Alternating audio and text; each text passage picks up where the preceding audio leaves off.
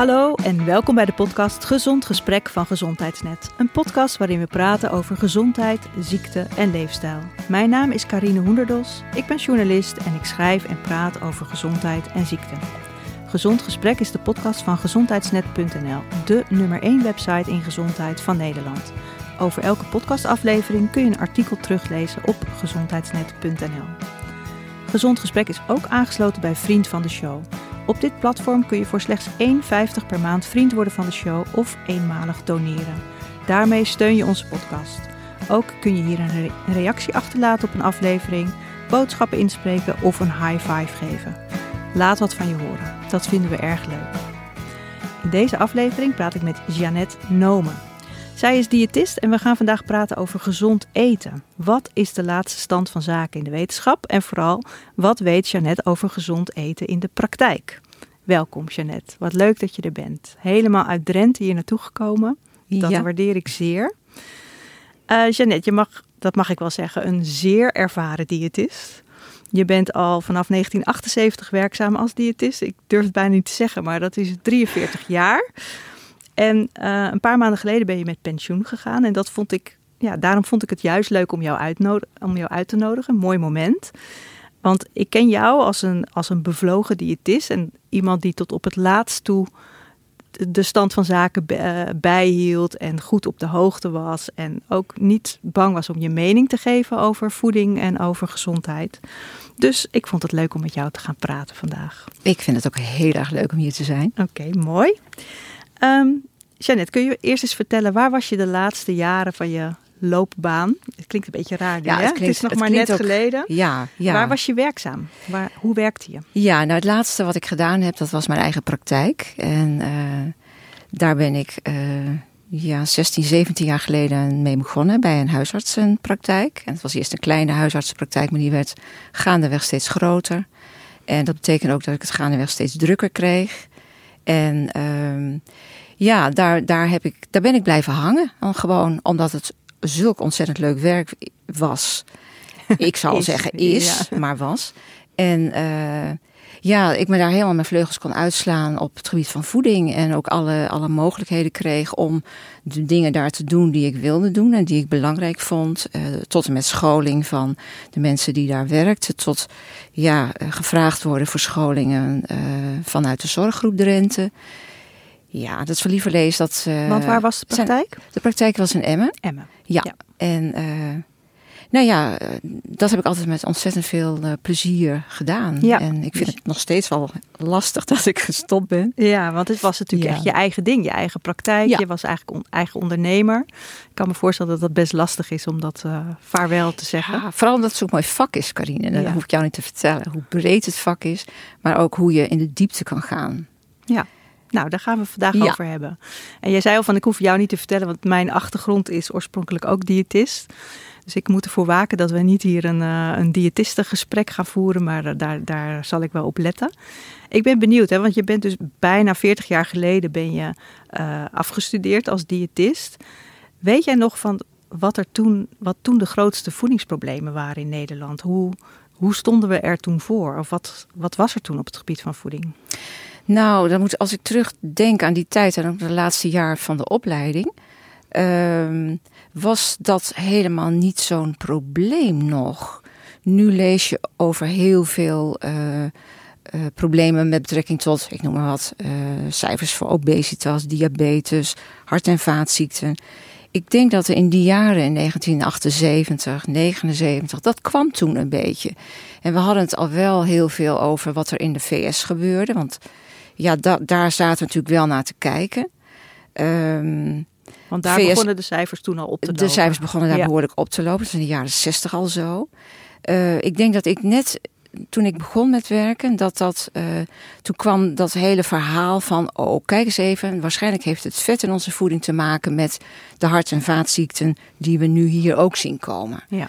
En, um, maar voor die tijd was daar eigenlijk nog niet zoveel sprake van. Nee. En daar zijn we ook nog niet zo op opgeleid, om het maar zo te zeggen.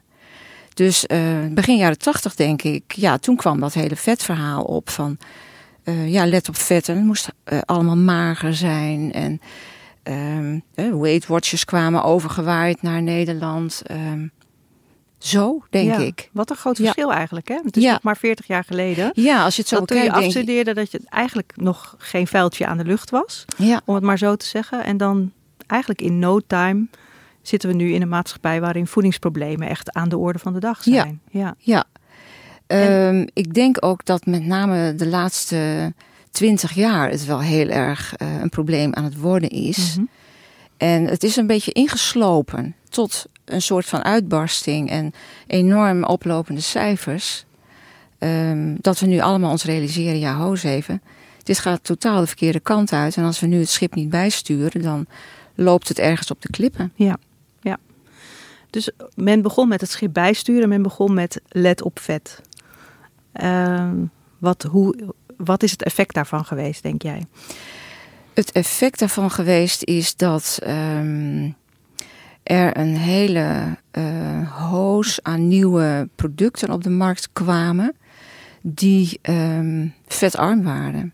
Ja. Wat we voorheen eigenlijk niet zo kenden. Je had gewoon ja, je normale, zeg ik dan vanuit mijn visie, je normale voedingsmiddelen waar niet aan gerommeld was of gewoon verse producten. Uh, er kwamen nu allerlei vetarme varianten van. En dan moet je met name denken aan ja, heel, op het zuivelgebied bijvoorbeeld. Of wat je op je brood smeert. Dat, boter was dan, werd dan afgeraden, maar het moest dan minder vet, uh, halvarine worden. Uh, kaassoorten, zuivel, uh, yoghurt, alles moest mager. Ja. En daar is een soort van vetfobie ontstaan, die denk ik jaren heeft geduurd en nog, nog steeds wel voortduurt bij heel veel mensen. Ja, en wat voor effect heeft dat gehad op onze gezondheid? Want het was natuurlijk met goede bedoelingen van uh, minder hart- en vaatziekten, minder overgewicht, denk ik ook. Ja, ja, ja. ik denk dat we, wat we nu weten, um, dat we steeds meer, ik, ik zeg wel eens, voeding zien in 3D. En dat we toen der tijd het heel plat sloegen. Het was van oké, jij um, uh, komt aan, je groeit, je krijgt een hogere vetmassa. Dus moet je minder vet gaan eten, want dat heeft direct met elkaar verband. En dat kun je ook helemaal uitleggen dat je dan dat dat ook wel een verband, dat er wel een verband is. Want vet bevat natuurlijk wel veel calorieën. Tuurlijk, ja. tuurlijk. Dus in die zin ook wel. Maar dat was natuurlijk niet de ba het basisprobleem waar we mee te maken hadden. Ik denk dat. Um, Wat was het basisprobleem dan? Nou, het basisprobleem uh, lag veel breder. Namelijk, hè, als jij een, een, een voedingspatroon gaat aannemen wat heel vetarm is, dan krijg je daar ongemerkt een ander probleem bij. Namelijk dat je niet zo goed verzadigd raakt van dat eten. En, uh, en dat het misschien ook niet heel smakelijk is. En dat je dan tussen de maaltijden door meer behoefte hebt om te gaan snaaien. En dan, dat moet dan ook weer iets vetarms zijn. Dus daar kwam een, een nieuwe lading uh, uh, producten op de markt. Om weer die behoefte te vullen. Ja. ja, ja, ja. Dus ik denk dat dat. Het, het is een beetje een houtje-touwtje beleid geweest. En dat is nu. Ja, tot. Ja, nu zijn we gekomen waar we nu zijn. En uh, ik denk dat, dat, dat we dat nu veel, veel breder moeten gaan trekken. En, en niet meer helemaal moeten focussen op vet of koolhydraten of wat dan ook. Het is een breder verhaal. Ja, want je zegt, ja, nu zijn we gekomen waar we nu zijn. En hoe is de situatie nu? Want je zei al, de cijfers lopen op. Het is, niet, het is nu de helft van Nederland heeft uh, overgewicht. Ja. ja. Meer dan 1 miljoen mensen heeft diabetes type 2. Ik bedoel, het heeft niet echt geholpen. Het, het heeft niet echt geholpen. Nee. Het heeft eigenlijk helemaal niet geholpen. Het is eigenlijk, het heeft ons misschien wel van de wal in de sloot geholpen. Ja. Um, we hebben ons veel te veel gefocust, denk ik, op de verkeerde paarden. Gewet op de verkeerde paarden. Gewet op de verkeerde ja. paarden. En het probleem was ingewikkelder dan we dachten. En ik denk dat we daar nu steeds meer uh, achter komen. Ja. En ook, ook door, ja, ook door de, de wetenschap gaat ook verder natuurlijk. Dus we, we komen er nu ook meer achter. En ik denk dat je dan ook moet zeggen van nou ja, wat, wat moeten we dan? Uh, op welke punten gaan we ingrijpen? Ja. Nou ja, en dan zie je ook dat je uh, dit, dit, probleem van obesitas en, en, en diabetes type 2, hart- en vaatziekten. Um, nou, en, en, alles wat daarbij komt kijken aan metabole ontregelingen, dat, dat je dat ook van verschillende kanten moet gaan benaderen. Het is niet alleen het eten. Nee. Het eten is niet de fix van dan maak je het beter. Maar je moet kijken naar, ja, wat is daar nog meer aan de hand? En, En geef eh, eens voorbeelden, wat kan er nog meer aan de hand zijn? Nou ja, ik, eh, weet je, mensen, ehm, de, de, het leven is, is ingewikkeld genoeg voor heel veel mensen en voor ons allemaal.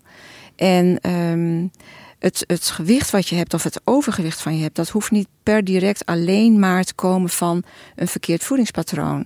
Er zijn nog veel meer zaken die daar een rol bij spelen. Denk aan ehm, de, de, de stressfactor die je absoluut niet moet uitvlakken, die Ja. nu ook vooral heel erg hoog is bij heel veel mensen. Bij ons allemaal eigenlijk wel. Door corona bedoel je? Bijvoorbeeld, maar ook door de maatschappij zoals we die nu hebben. Ja, ja, we hebben al verschillende afleveringen gehad over overgewicht, waarin bijvoorbeeld Lisbeth van Rossum heel duidelijk heeft geschetst hoeveel factoren er samenhangen met, eh, met overgewicht. Precies. En dat is inderdaad iets waar jij misschien als beginnende diëtist, ja, die kennis was er toen gewoon nog niet. Die kennis was er niet. Nee. en die was er ook niet, denk ik, bij de artsen. Nee, En dat is nu eh, toch echt wel iets van de laatste, laatste vijf jaar dat we ons dat realiseren. Dat Ja. het probleem veel, vele malen groter is dan alleen maar gewoon sekje gewicht. Ja, ja. Maar het Ja. feit dat, je, dat, je, dat we nu het wel hebben over een probleem.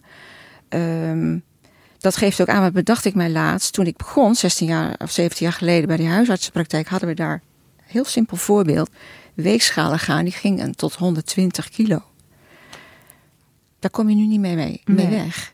Het zijn nu allemaal weegschalen tot 180, 200 kilo. Zo. Dus Ja. er is in die jaar, zeg maar de laatste 20 jaar, zo'n verschuiving opgetreden. De probleem, problematiek is veel zijn ernstiger groter geworden. Ja. Ja, Ja. ja.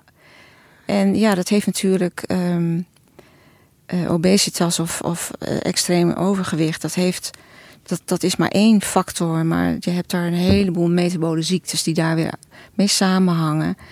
En ja, daar hebben we nu mee te doen. Ja, ja. En je zegt van nou, voeding heeft op zich is niet is eigenlijk maar één factor, hè? dus niet de belangrijkste factor. Of nou, misschien is het wel de belangrijkste factor, maar het is een een van de factoren. Heeft dat jouw werk, heeft dat inzicht jouw werk als diëtist ook veranderd? Ga je daardoor ook anders adviseren of andere dingen vertellen? Ehm, ja, dat heb ik wel gedaan. En ik denk dat ik de laatste tien jaar dat met heel veel ehm, verven gedaan heb. En ook geprobeerd heb om mensen daarvan te doordringen dat je daar op een andere manier naar moet kijken. En het was eh, in het begin best wel lastig, omdat je dan een beetje tegen de stroom in aan het zwemmen was. Geef eens een voorbeeld. Wat, wat vertelde je dan bijvoorbeeld? Nou, ik Of denk dat een- jaar of 10, 10, 15 jaar geleden nog echt niet eh, de link direct gelegd werd bij, ik noem maar, hè, wat je net ook al aangaf, eh, een miljoen mensen met type 2 diabetes. Dus dan hebben we het over mensen met ontregelde bloedsuikers. Ehm, dat daar de, de fysiologische eh, ehm, reden van werd aangegeven door diëtisten met name ook. Van luister, als je bloedsuikers stijgen, Waar komt dat door? Dat komt door wat jij binnenkrijgt aan diversiteit aan koolhydraten. Dat wordt afgebroken, uiteindelijk hou je glucose over en dat is verhoogd. Dus dat is een fysiologisch aspect wat vaak niet zo, waar niet zo direct op gewerkt werd. En ik, da- daar ben ik op een gegeven moment met nog een aantal andere diëtisten hoor. Ik ben heus niet de enige, maar er waren gelukkig veel meer. Die daar heel gericht mee aan de gang gegaan zijn. En, ehm, Nee, maak het eens concreet. Wat, wat betekent dat als jij zo'n advies geeft en je zegt van ik ga werken naar die bloedsuikers toe? Ja, dat je dan heel duidelijk de, de link legt en dat ook uitlegt aan de mensen die, die dat, eh, die op die manier, waarvan je wil, graag wilt dat ze op die manier gaan eten. Dat je dan zegt, oké, als je dit eet en je eh, een normaal bord eet, dan hebben we het over eh, eh, drie, tweemaal per dag een, een, een grote broodmaaltijd, om eens wat te noemen. Eh, met honing, jam, eh, noem het maar op. Dat zijn toch de, de normale smeersels die men dan vaak opsmeert. Dat heeft direct effect op je bloedsuikers. Ja. Dan kun je dat echt aantonen. Toen de tijd werd wel gemeten, maar het werd ook vaak op de huisartsenpraktijk gedaan. Nu zie je dat mensen zelf allerlei meetinstrumenten hebben. En dat ze dat ook zelf kunnen checken. Van oké, wat is dan het effect als ik dat eet? Oh, dan levert dat mij die bloedsuikers op. Is dat goed? Nee, dat is niet goed. Hoe kan ik het dan anders doen? Nou, op die manier hoor je eigenlijk, vind ik als diëtist te werken. Ja. Dat stuk begeleiding geven uh, in, de, in de keuzes van voedingsmiddelen, uh, patronen. Ehm, op een manier dat mensen zeggen: Nou, dit past bij mij, hier kan ik wat mee, dit kan ik ook volhouden. Ja, dus je bent meer vanuit die fysiologie gaan adviseren. Ja. En meer gaan gekeken wat gebeurt er nou echt in dat lichaam van Precies. de patiënt die tegenover mij zit. Ja, Dat is stuk maatwerk. Ja. Ik denk dat, dat dat.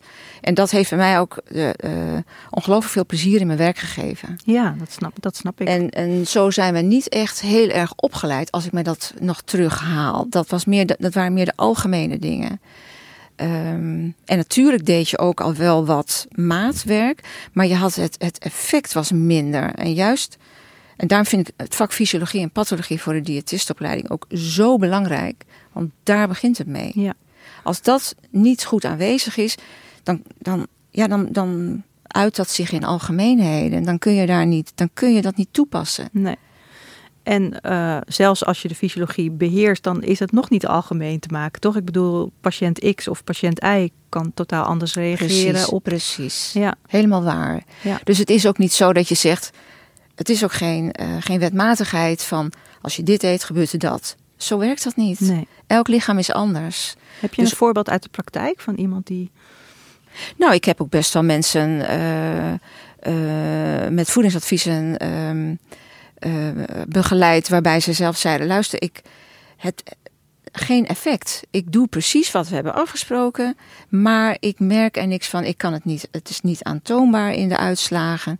Dit werkt niet voor mij. Ja, Dat zeiden ze dan wel voor mij. En ehm, ja, dat, dat, dat, dat eh, is wel iets waar je mee moet dealen, denk ik ook. Maar dat heeft elke zorgverlener. ja. Ja, want je kunt ook zeggen: Nou, oké, eh, aan mijn advies ligt het niet. Eh, doet u het wel goed? Nee, dat, heb, dat vind ik eh, te kort door de bocht. En Ja. ook dat doet geen recht aan, aan alles. Dan, Nee. dan vind ik dan, en dat heb ik ook altijd getracht om te doen, dat je dan echt ook zegt: nou, oké, dit is dan het niet. Hoe kunnen we het bijsturen? Bij, we gaan, zijn er andere manieren om tot datzelfde doel te komen? Ja. Ja. En, dat, en dat is dat, ja, je, je, je, de inhoud van je vak om dat te gaan doen. Ja. Dus een goede diëtist zoals jij levert maatwerk en kijkt ook puur vanuit fysiologie van wat gebeurt er nou Ja. echt in het lichaam Ja. van die patiënt. Weet je, en dan heb je dus maar één aspect, hè, de fysiologie. Ja. Maar dan neem je dus al die andere factoren, die moet je ook meenemen. De hele sociale factoren. Ja. En ehm, ja, ook wel eens van, ehm, ja, wat, wat is de achtergrond van zo'n persoon? Of hoe, hoe, hoe, hoe leeft hij, hij of zij? Of is het een, een, een oudere persoon die ja, eigenlijk toch ook al niet goed voor zichzelf kan zorgen? Of eh, ja, ook niet veel financiële middelen heeft. Ja, wat doe je dan? Dan kan ik wel komen met allerlei hoogdravende ideeën. En doe je zus en zo en ga je daarheen. Maar dan weet je al bij voorbaat dat dat gaat niet worden. Nee. En dat, dat is gedoemd tot mislukken. Ja. Dus dan zul je toch je, je adviezen moeten aanpassen weer aan die persoon. Dus dat is denk ik wel. eh, het inlevend vermogen moet groot zijn. Ja, ja, ja. En over, over eh, de economische situatie gesproken, in het gebied waar jij woont, Emmen, eh, of nou Drenthe, dat is wel echt een gebied in Nederland waar eh, nog veel meer gezondheidsproblemen Ja. voorkomen dan elders in Ja. Nederland. Ja, dat is wel een uitdaging inderdaad. Ja, dat klopt. Ja, dat heeft toch te maken met een stuk historie, denk ik. Eh, het was natuurlijk altijd een arm gebied. Ehm, het veen, dat zegt het ook al wel. Er zijn meer gebieden in Nederland waar die eigenlijk vergelijkbare achtergrond hebben.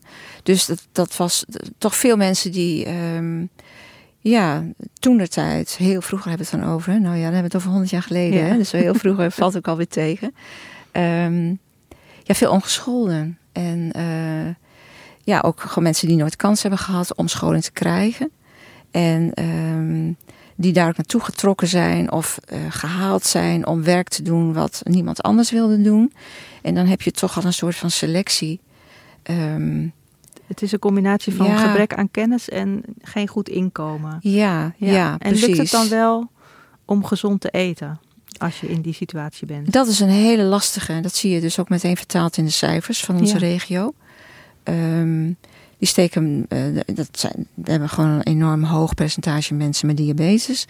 Eh, net als Zuid-Limburg en, en hè, dus, eh, vergelijkbare gebieden.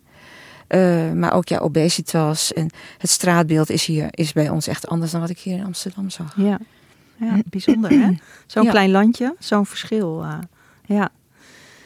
als we nog even teruggaan naar de, naar de uh, 40 jaar ervaring van jou. En je hebt, je, had het al, je hebt het al gehad over Let op Vet. Dat is een grote campagne natuurlijk die uh, geweest is. Zijn er nog meer grote voedingstrends die jij langs hebt zien komen? En waarvan je denkt, ja, die heb ik teruggezien. Been nou, there, done that. ja.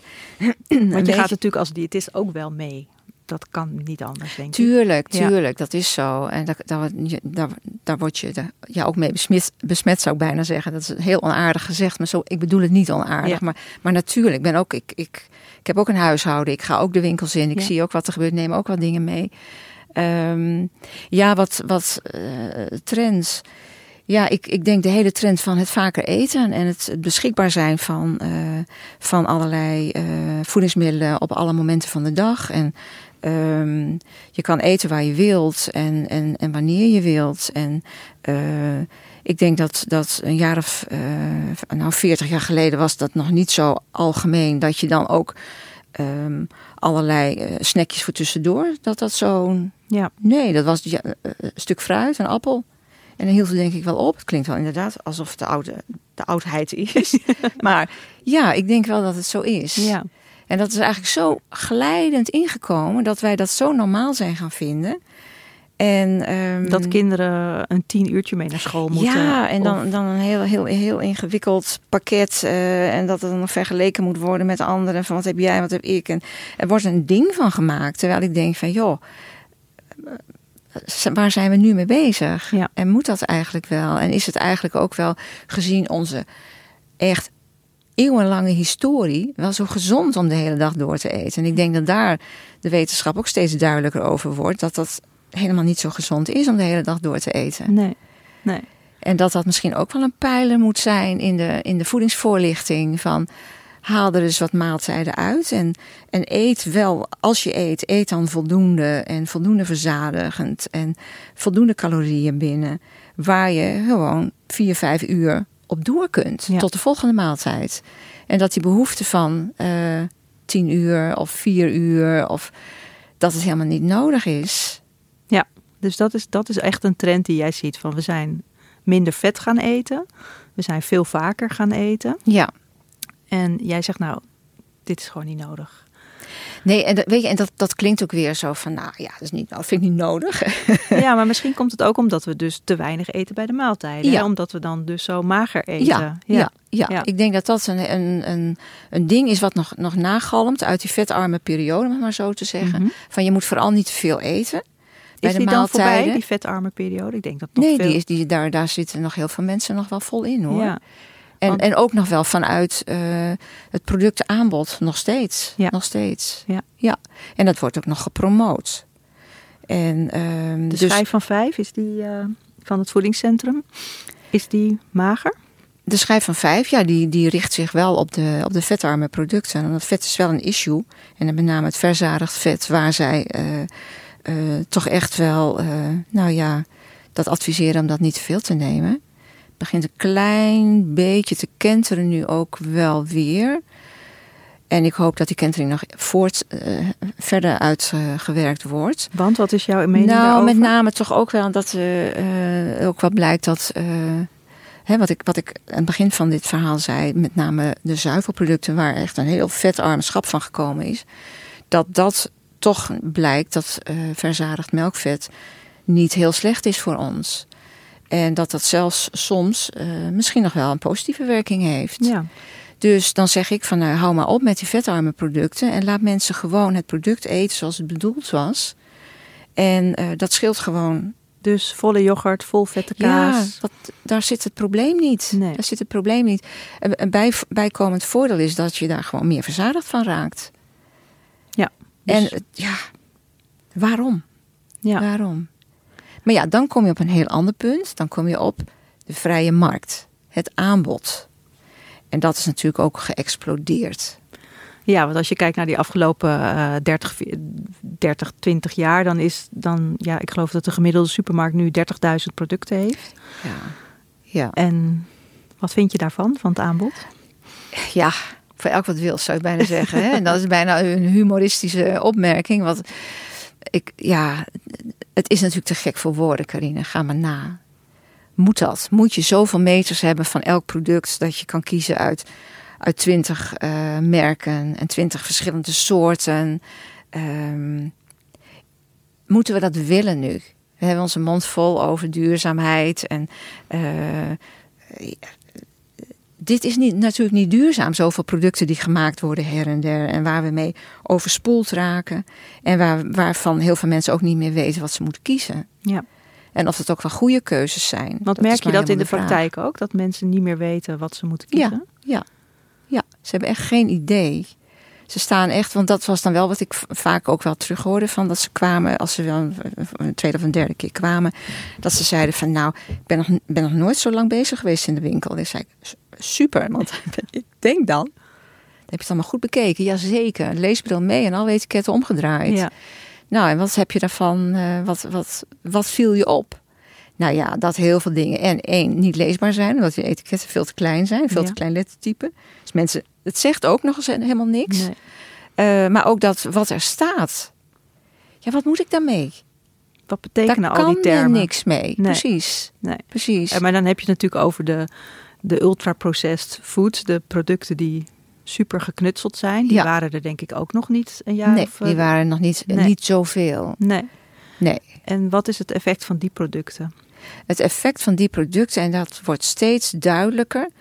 Die producten hangen als een soort wolk boven onze gezondheid.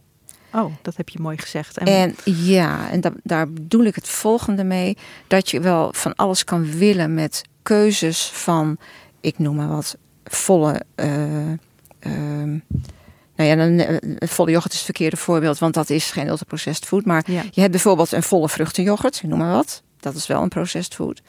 Um, dat je zegt van oké, okay, dan moet je de halfvol of de magere nemen. Maar daar gaat het niet om. Ik denk dat de mate van bewerking van een product, dat dat veel meer zegt dan de inhoud van een pak of een emmertje. En waarom is dat? Omdat dat toch blijkt dat um, die producten zodanig gefabriceerd zijn um, dat ze uh, één, een bepaalde samenstelling hebben die wij allemaal heel erg op prijs stellen en heel lekker vinden. En er dus ook heel gemakkelijk veel van kunnen eten. Een hoge dooreetfactor. Een hoge dooreetfactor. Ja. Dus uh, het verzadigingsgevoel treedt nauwelijks op. Het is vaak ook, uh, heeft vaak een consistentie ook nog eens, waarbij je nauwelijks hoeft te kauwen. Het hoeft eigenlijk nauwelijks verteerd te worden.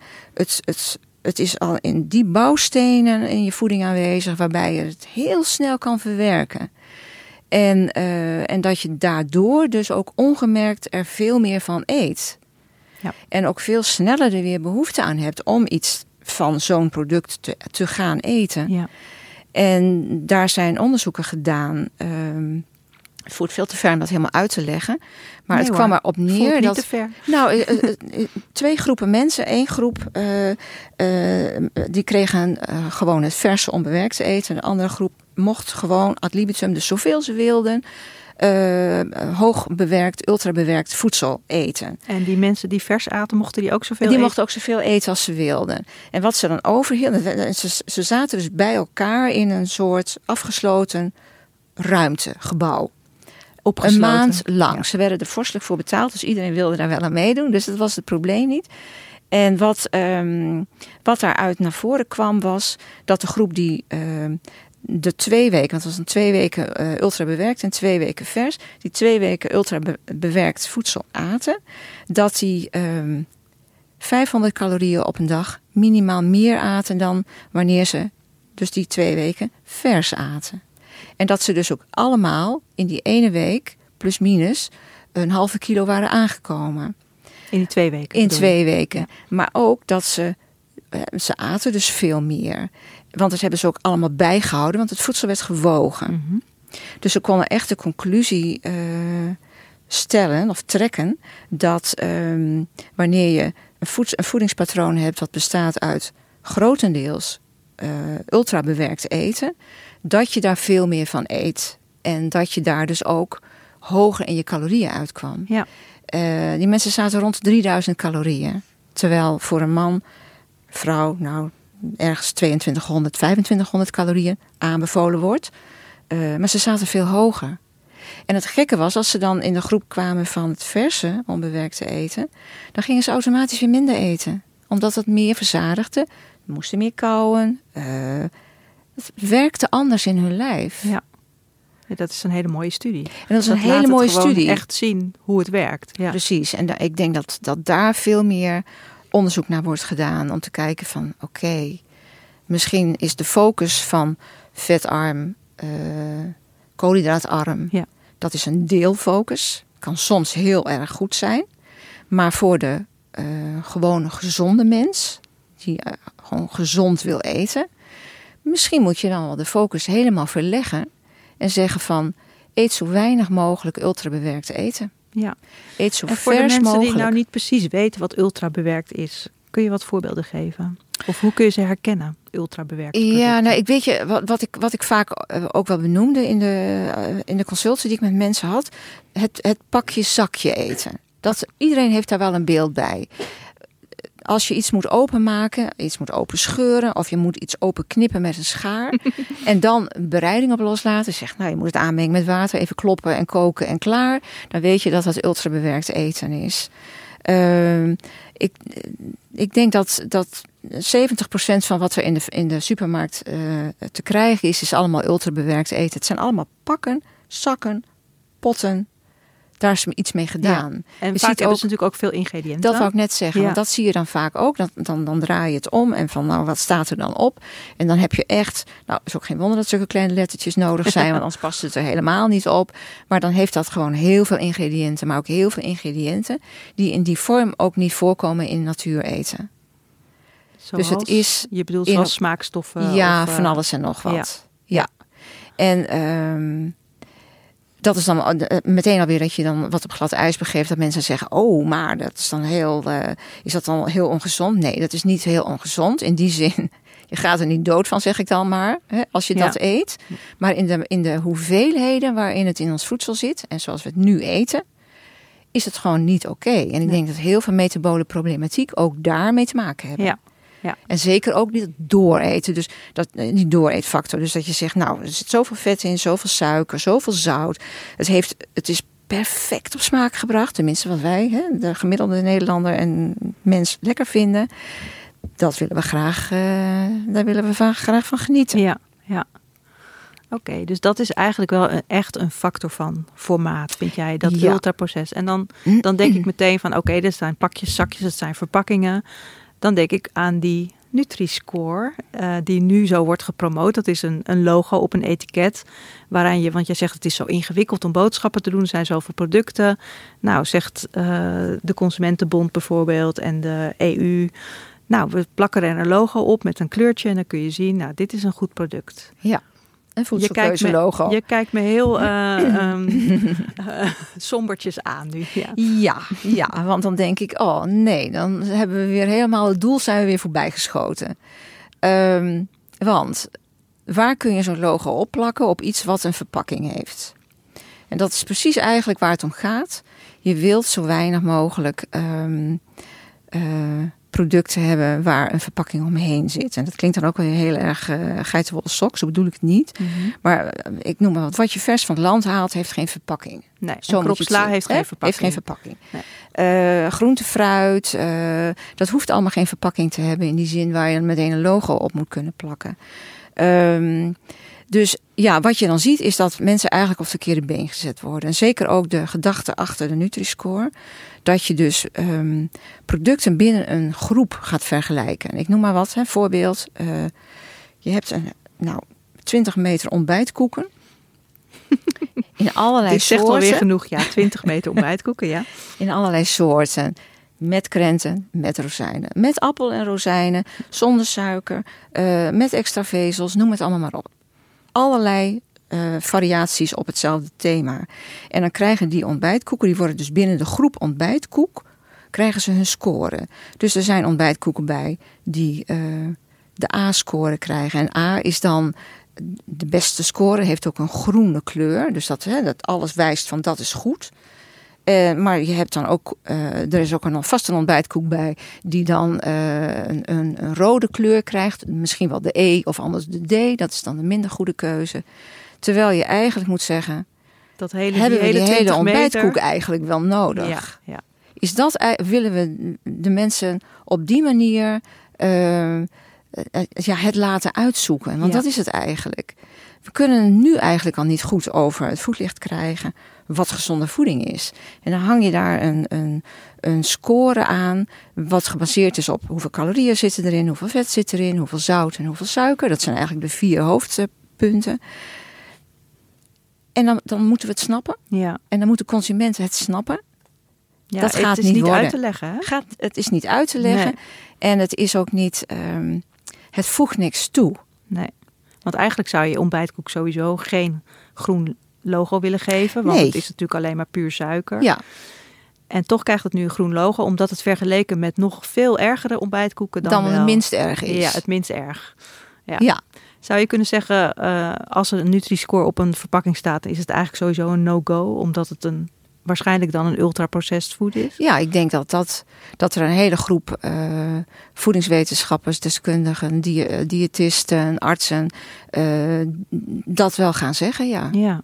Ja. Het is wel opmerkelijk dat dat dan toch zo wordt eh, Gepromoot, hè? gepromoot, ja. Hoe kan dat dan? ja, hoe Ja. kan dit? Ja, ik denk dat het allemaal met de vrije markt te maken heeft. En dat is natuurlijk iets wat we moeten omarmen. De vrijheid, alles. Maar nu slaan we daarin door. En ik denk dat je de mensen daar niet mee helpt. Ik denk dat je beter kan zeggen van...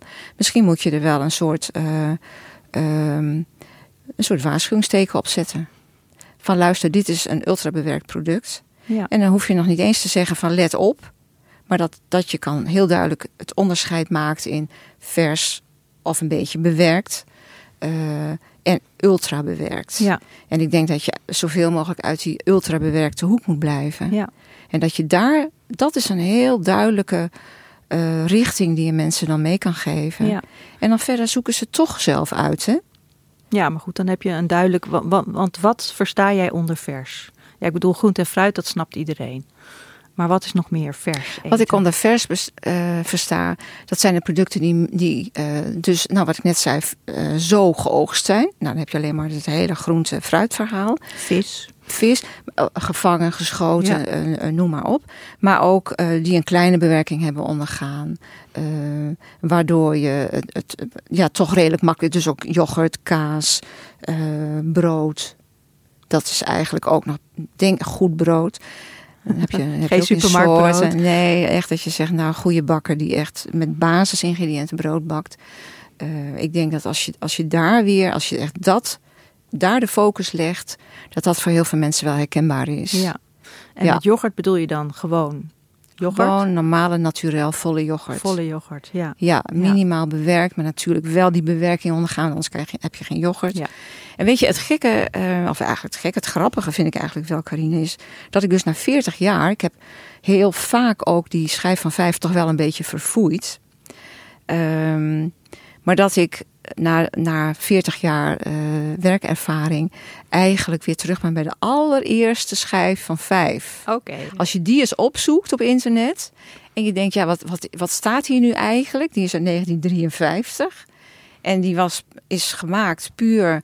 eh, Net na de oorlog. ja, omdat daar er was toen heel weinig natuurlijk. Mensen waren eh, nog redelijk ontregeld en er was weinig verkrijgbaar. Eh, als hulpmiddel van hoe moet je nu gezond eten? Wat is nu een gezonde maaltijd? Wat heb je eigenlijk elke dag nodig om geen tekorten op te lopen? En als je dan kijkt wat daar in die eerste schijf staat, Vertel. dan is er alleen maar een verpakking. Ik denk dat dat Brinta of havermout is. Ja. Dan zie je een doosje. En eh, je ziet een fles. eh, karnemelk, melk, yoghurt. Er ligt wat brood en wat beschuit. Ehm, nou ja, en dan dat pak Brinta of havermout. Eh, boter, kaas, eieren. Er ligt een vis en een stuk vers vlees. En groente en fruit. En groente en fruit. Ja. Een groot groente en fruitvak. en pulvruchten. Oh, die ja. zitten er ook in. En dat was het. En dan denk je, ja, eigenlijk kan het voedingscentrum gewoon die oude schijf weer uit het archief halen. En zeggen, we zijn weer helemaal toe aan dit. Ja. We hebben nu een, niet een probleem van tekort, zoals we na de Tweede Wereldoorlog hadden. Maar we zitten nu in een, met een probleem van overvloed. En ehm, we weten nu ook niet meer wat, wat we moeten kiezen. Dus En dat vond ik eigenlijk wel een hele aardige. Dat je, toen ik me dat realiseerde. Ja, ja. Dat is toch vaak zo, hè? Aan het eind van een loopbaan. Dat je ineens denkt van... Nou, dat er een soort wijsheid komt. Dat je het ineens snapt. Ja, nou, je Ja. snapte het al wel. Maar dat, het, dat er dan zo'n korte samenvatting vallen komt. soms de, de, de muntjes in één keer op een Ja. goede plek. En dat je dan denkt, ja, dat is toch eigenlijk wel heel bizar. Hè? Vooral ook omdat we natuurlijk in zo'n trein zitten van, ja, alles moet en kan. En er moeten nieuwe producten. Want mensen zijn op een bepaald moment weer uitgegeten op een bepaald product. En, ehm, dus de markt moet weer, hè, eh, de eh, producenten moeten weer iets nieuws bedenken. Want ze willen hun marktaandeel houden. Ja. Dus eh, in zo'n keuze zitten we. Maar jij zegt stap eruit. Hou het simpel. Ja. Eh, alsjeblieft, voedingscentrum, ga terug naar die allereerste schijf Ja, van vijf. Die, die is waarschijnlijk nog mooier ook Ja, is veel mooier. dan wa- wat er nu ligt. Ja. Oké, maar nu gaan we even terug naar de. eh, ik vind het een heel mooie, mooie samenvatting. Maar nu gaan we even terug naar, naar nu en naar de consument die, en de mensen die nu luisteren naar deze podcast. Die denken: ja, oké, ik wil wel gezonder eten, maar. Wat zie jij als, als jij eh, terugdenkt aan je, de gesprekken die je had in de praktijk? Wat houdt mensen tegen om het ook echt te doen? Wat zijn de problemen die optreden? Ehm, kijk, waar je het natuurlijk over hebt, is over gedragsverandering. Waarvan jij wilt dat die over langere perioden en misschien wel altijd daarna de goede kant uitgaat. En dat is natuurlijk een. Ja, dat, dat is ontzettend moeilijk. Dat hoeft niemand te vertellen. Gedragsverandering op lange duur is ontzettend moeilijk. De wil is er vaak wel. Korte dingen, eh, goede voornemens. Nou, we houden het een dag vol en dan is dat ook weer. Doe maar weer normaal. Ik denk dat, dat ons, ons, norm, ons besef van wat normaal is, dat zijn we kwijt. En ehm, dat moet eerst goed bij iemand eh, ja, ingedaald zijn om dan te kunnen zeggen van oké, wat, ik, wat ik doe is eigenlijk niet normaal. Ik moet echt iets gaan veranderen. En ja, wat, wat dat vaak een duw kan geven, is dat mensen zich niet goed voelen. Of dat ze ergens last van hebben. Of dingen niet meer kunnen. Eh, Of omdat pillen ze- gebruiken die ze niet willen of gebruiken. pillen gebruiken die ze. Hè, eh, het is echt vol- volstrekt normaal dat mensen vijf, zes, zeven, soms wel tien soorten medicatie gebruiken. Dat je zegt, ja, dit en dat en dat en dat. Nou, dan, dan, dan hoef ik eigenlijk bijna al niet eens meer. eh, dan weet ik al wat er aan de hand is, weet Ja. je wel. Dan, is, dan wordt, wordt alles bijgezet. Leverproblemen, bloedsuikers, ehm, maagzuur, eh, ver- verhoogd maagzuur, oprispingen. nou, de, de hele trant van, en, en van allerlei problemen die komen dan naar voren. En ehm, Ja, dus gezondheid ja, het moet een voordeel hebben. Dat willen mensen ver- veranderen. Ja. En, eh, en dat hoeven dan niet meteen hele grote stappen te zijn. Maar je kan ook met kleine stappen kun je iets doen. En dan hoop je altijd dat mensen het ervaren dat ze zich er beter bij voelen. Ja. En, ehm, En heb je dat ook gemerkt in de praktijk? Heeft voeding veranderen ook dat effect? Ja, dat heb ik heel vaak heb, heb ik dat gemerkt. Ja. En soms ook zelfs ehm, eh, bij mensen, eh, gezinsleden. Dat een cliënt zei van joh, maar mijn vrouw is ook van de hoge bloeddrukpillen af. Oh ja. Oh, wat leuk. En eh, hoe, vertel, had ze dat? En eh, nou ja, want ze is net zo gaan eten als wat ik nu doe. We doen het samen. En eh, haar bloeddruk ging gelijk ook omlaag. En dan denk ik, nou ja, kijk, bingo, dat is hartstikke mooi. En dat is ehm, dan ook heel mooi als mensen dat dan ook om die reden kunnen volhouden. Maar ja, we, we, we- zitten in een maatschappij die zoveel verleidingen geeft. En eh, zoveel sociale druk ook vaak. Dat dat nog wel eens heel moeilijk is om het dan, ondanks al je voordelen die je ervaart en voelt en minder pillen enzovoort. Dat je het dan toch, dat ze dan toch in die verleiding gebracht worden van joh, die ene keer, Ja. toen nou. Hè? En dan ehm, ja, weer gevangen zijn eigenlijk in het net van, Van de verleiding. van de Het net van de verleiding. Het net van ja. de verleiding. En dan, wat doe je dan? Wat, wat, hoe kun je daarbij helpen? Ja, dat is dan toch weer terug naar ehm, waar we eh, gestart waren. Van, en hoe voelt dit nu dan? En eh, wat denk je dat je nu toch weer... Hè, want je, ze kwamen met dat, met dat verhaal van... ja, maar dit, ik, eh, het lukt niet meer. Of hè, dan pro- probeer je uit te zoeken wat dan de, de reden daarvan is. En, ehm, en dan zie je toch ook best vaak dat de manier van eten. Dan kom ik weer op die ultrabewerkte eten, maar ook waar heel veel suikers in zitten. Dat dat toch wel een vorm van verslaving kan zijn bij veel mensen. Mm, ja. Ik, ik kan me herinneren dat ik heb twee. eh, eh, ik kan me heel, heel goed, eh, nu ik dit zo zeg, twee mensen herinneren. De ene was een mevrouw, een wat oudere mevrouw, en die noemde zichzelf een suikerjunk.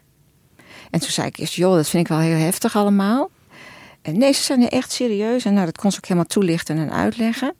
En er was een andere meneer, die kwam bij mij zo. En, eh, en hier zit voor je eh, de chocoprins. De chocoprins.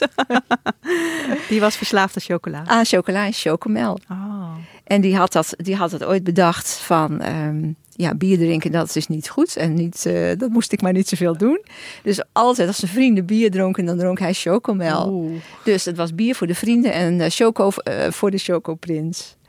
En ja, met Hij- effecten van lange termijn. Nou ja, dan weet je wel waarom ze kwamen. Ja. Allemaal diabetes gekregen Ja. en eh, eh, overgewicht, nou, fors overgewicht en eh, de hele rits aan andere problemen daarbij. Dus het kan ook echt een vorm van verslaving zijn. En dat moet je vind dan ik doorbreken. wel, vind Ja. ik wel. Het wordt wel ontkend dat het zo is. Het heeft misschien ook niet echt.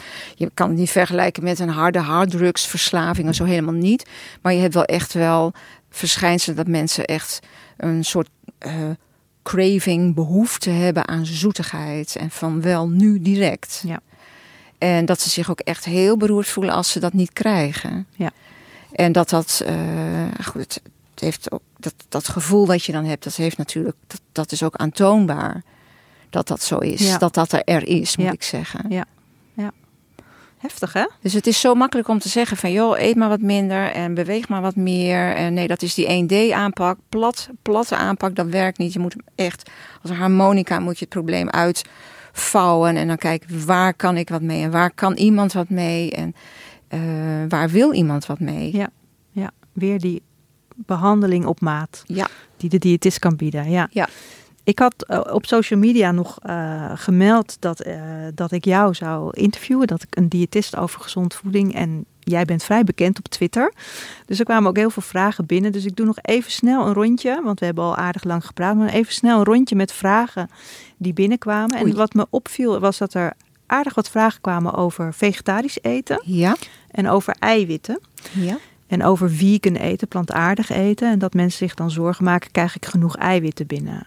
Kun je daar Ja. heel kort iets over zeggen? Ja. En ook over de vegan trend misschien? Ja, ja, dat is natuurlijk ook een trend van deze tijd. En Ja. dat, eh, eh, ik snap dat ook helemaal. Het past ook helemaal in, weer in dat, in dat duurzaamheidsverhaal. Van we, we kunnen best wel een stapje terug en wat minder eten. En eh, minder eten in de zin van minder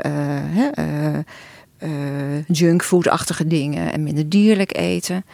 Eh, ik vind dat je wel een duidelijke scheiding moet maken eigenlijk tussen vegetarisch eten en vegan eten.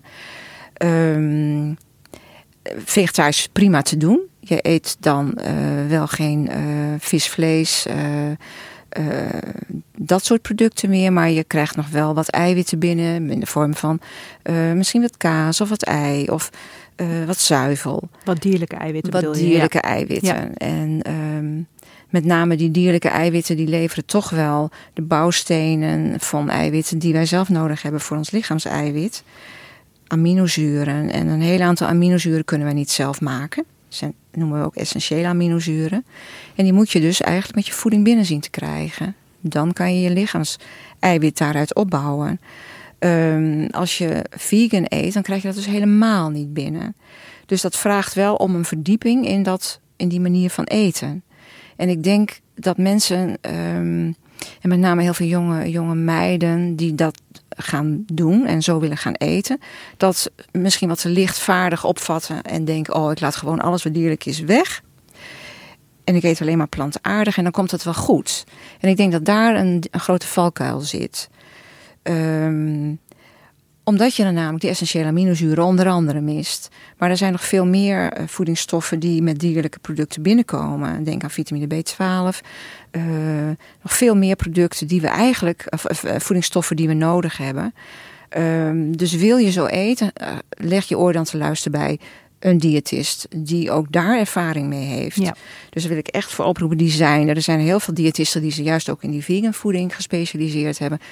Vraag daar een consult van hoe doe ik dit? Ik, want ik wil geen tekorten krijgen. En ehm, wat moet ik dan gebruiken aan supplementen? Ja. Ehm, ja, dat, dat, dat is, zal mijn boodschap zijn in Ja. dit hele verhaal. Ja. Maar ik begrijp het wel. Eh, dat daar eh, nu veel meer aandacht voor is. Ja, maar als je kijkt naar die duurzaamheid en die schijf van 5 uit 1953, die we vanaf nu allemaal gaan omarmen, Ja, is die, die is waarschijnlijk ook duurzamer dan, die is duurzamer. dan wat er nu Ja. in de supermarkt Ja. allemaal aan eh ultra-processed foods te koop is. Absoluut. Ja. Want vlak niet uit wat voor footprint dat geeft. Hè? Dan hebben we het alleen al over, ja, het moet allemaal gefabriceerd worden ergens. Grondstoffen ergens vandaan gehaald worden. Vervoer geregeld worden. Het komt vaak niet van eh, je, je lokale voedingsproducent. Ja. Wie is dat? En eh, dan hebben we het nog niet over de verpakkingen gehad. Ja. Ja. Dus ik denk dat als we daar allemaal wat minder van nemen, dat dat ook al een hele st- goede stap voorwaarts is in Ja. dit hele verhaal. Is natuurlijk wat anders als je echt geen dieren wil Ja. eten, maar Ja, maar Als goed, je- als je dus, om nog even op dat eiwit terug te komen. Ik zag ook een vraag voorbij komen die, van iemand die zei: Moet ik dan echt dubbel hoeveelheid bonen eten? Of brood? eh, van wat ik anders aan dierlijk zou eten? Ja, ik denk wel dat dat. eh, je moet wel meer eten. En je hebt ook meer eiwit nodig Ja. per dag. Dus de hoeveelheid eiwit moet echt ook wel toenemen. Plantaardig eiwit. Omdat je gewoon het, het proces van eh, omvormen naar je eigen lichaamseiwit is gewoon wat minder efficiënt. Ja. En dat is iets wat je wel eh, goed in de gaten moet houden. ja, dus je moet andere eiwitten eten, maar je moet vooral ook ietsje meer eten. Ja. Ja, ja. Ja. oké. Eh, er was nog een vraag die binnenkwam, hoe dat, hoe dat nou zit met vitamines en welke zou je moeten slikken. En vitamine B12, die noemde je net ook al, over het vegan eten. Ja. Ehm, ja, dat voert een beetje ver om een heel vitamine eh, consult Ja. te geven. Maar ehm, misschien is het eh, goed samengevat als ik zeg... bevat de Nederlandse voeding zoals die nu is... in het algemeen voldoende vitamines? Of merk jij in de praktijk als jij de voeding bekijkt van je cliënten... van nou, het kan beter? Ehm, ja, de cliënten is natuurlijk, dan Ja. chargeer je echt over alle leeftijdscategorieën. Ik heb ook best wel heel veel pubers gehad. eh, moeilijke eters en hele slechte eters. Ja, dan, dan, dan is iedere verandering is bijna een verbetering, zou ik zeggen. Ehm, de populatie eh, ja, van 30 tot 50, 60, zeg maar. Denk ik dat eh, als je goed gevarieerd eet, dan, zit daar, dan, dan is daar niet zoveel mee mis. Eh, ik vind wel, en we hadden net over eiwitten, dat er veel mensen toch het eiwitpercentage in voeding zou best iets hoger kunnen. Dus ook niet alleen dierlijk, maar ook plantaardig eiwit met name. Er zou meer groente en fruit gegeten kunnen worden. Ehm, ik denk dat wij gemiddeld in Nederland lang niet, ik weet wel zeker, we halen lang niet de aanbevolen hoeveelheden groente. Ik, toevallig heb ik net vorige week nog eh, eh, iets gelezen over de VS. Daar haalt maar 10% van alle mensen van de VS, de inwoners, volwassen inwoners van de VS, 10% haalt eh, de aanbevolen hoeveelheid groente en 12% fruit. Nou, ik denk dat het in Nederland misschien iets beter is. Maar wij, wij gaan toch altijd Amerika achterna. Dus het zal alleen nog maar slechter worden als je het zo Ja. bekijkt over een grotere periode. Dus ik denk, er moet meer... Tenzij we die schijf van 5 Tenzij we die schijf van vijf en natuurlijk met de peulvruchten en daar moeten we meer mee gaan doen. Dan denk ik dat daar een heel stuk verbetering in zit. En dat dan ook de vitamines en mineralen verbeteren in onze voeding. Ja. Want dat is natuurlijk ook wel een dingetje in al die ultrabewerkte producten. Die zijn vaak ook, daar zijn ook allerlei vitamines en is van alles aan toegevoegd. Dus dat, dat oog, dat staat er ook vaak met grote letters op als een soort van aanbeveling. Dat oogt dan ook wel heel gezond. Maar ja, kom op. Het is gewoon, ze halen er eigenlijk eerst uit door het te bewerken en dan voegen ze het later Ja. weer Ja. toe. Ja. Dus Ja. als je dat uit echt eten haalt, ja inderdaad, die oude schijven 53, die moeten we terug zien te krijgen. Eh, nog één vraag doe ik dan. Ehm, kun je triglyceriden in je bloed dan, hè, de vetten in je bloed, verlagen met voeding? Eh, ja, Nou, Nou, dat is volmondig ja. Ehm, Ja, ik, ik heb ooit een, uh, een, een, een, een, cardioloog daarover gehoord. Die gaf een lezing daarover. Die zei, ja, dat kan meteen. Dan, je moet sowieso niks meer gaan eten, zei hij. Als jij een dag vast zijn, triglyceriden om door een ringetje te halen. Nou, dat heb ik ergens in mijn achterhoofd gehouden. Maar dat is natuurlijk te gek voor woorden. Dat ga je niet doen.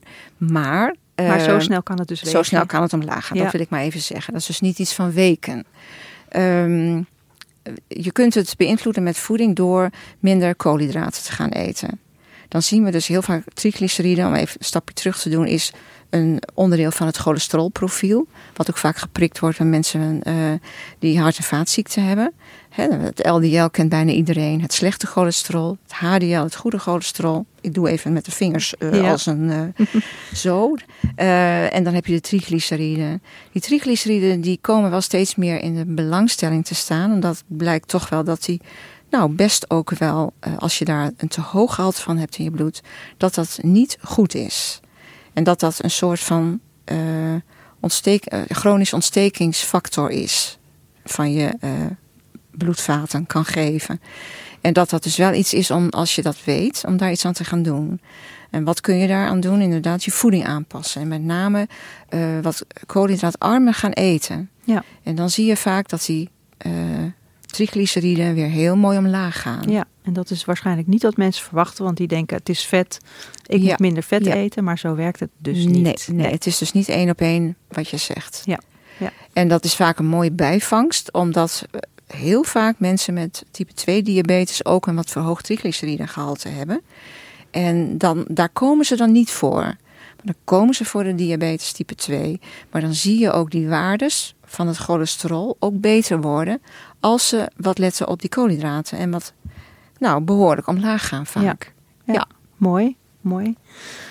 Dus uh, gezond eten heeft op heel veel aspecten invloed. Ja. ja. Nou, als je nou jouw 40 jaar zou moeten samenvatten, dan als ik ons gesprek nu even samenvat, dan is het dus dat je zegt van nou, eet onbewerkt, eet vers, uh, hou je verre van die ultra-processed foods en uh, eet niet te vaak. Dat ja. is eigenlijk de samenvatting. Ja. En als je, als je zo zou eten, dan zou je voedingsproblemen kunnen voorkomen? Ik denk het wel. Het is een, eigenlijk een, een stap terug in de tijd. Uh, toen er veel minder problemen waren. Uh, wat wat uh, metabole problemen aangaat. Waar we nu eigenlijk wat een groot deel van de mensen die in de wachtkamer zitten bij de huisarts heeft. Uh, ik denk dat dat een, een, een, heel goed advies is. Maar ook voor mensen waar al problemen mee, die al problemen ervaren, maar nog niet heel erg. Dat als je zegt: Oké, okay, je hoeft helemaal niet op een dieet, daar gaat het helemaal niet om, maar je moet op een andere manier gaan eten.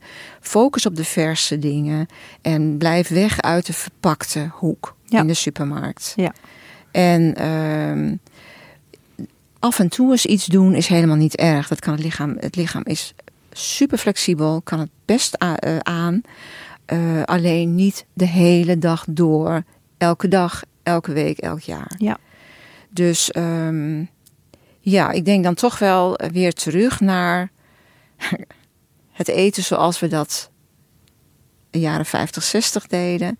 Maar dan in de moderne jas van nu. Ja. Met de leuke nieuwe recepten die je overal kan vinden. En ook als het, als het moeilijk is van ja, hoe doe ik dat dan? Want ik wil, weet je, lekker eten moet voorop staan hè. Want je wilt gewoon lekker eten. Dat wil iedereen. Ja. Wat, je, wat je hebt aan ingrediënten, aan voedingsmiddelen, daar wil je iets van maken wat je smakelijk vindt. En dat daar kun je vaak hulp bij gebruiken door wat recepten te gaan opzoeken. Of uh, internet staat er vol mee. Kook, uh, een leuk kookboek waar uh, wat voor die doelgroep kan je overal vinden. Laat je voorlichten daar bij de boekhandel. Wat ik wil lekker vers koken. Wat kan je me aanraden? Ga daarmee aan de slag. Ja. Ik denk dat dat een hele belangrijke boodschap is. Maar inderdaad, eet vers. En dat is een heel simpel, daar ben ik 40 jaar mee bezig geweest. Samen te vatten in twee woorden. Eet vers. Ja, ja. ja eigenlijk wel. Ja, nou dat is toch mooi. Hoe simpeler de boodschap, hoe beter. Exact. Ja. ja. Oké, okay. nou duidelijk, dankjewel. Eet vers mensen, dat is wel de, bood de belangrijkste boodschap van vandaag. Je luisterde naar Gezond Gesprek, een podcast van Gezondheidsnet, gepresenteerd door Karine Hoenedos met producer Jonne Cerise. De Yearlings maakte voor ons de tune. Wil je meer weten over het onderwerp van deze podcast? Kijk zeker op gezondheidsnet.nl.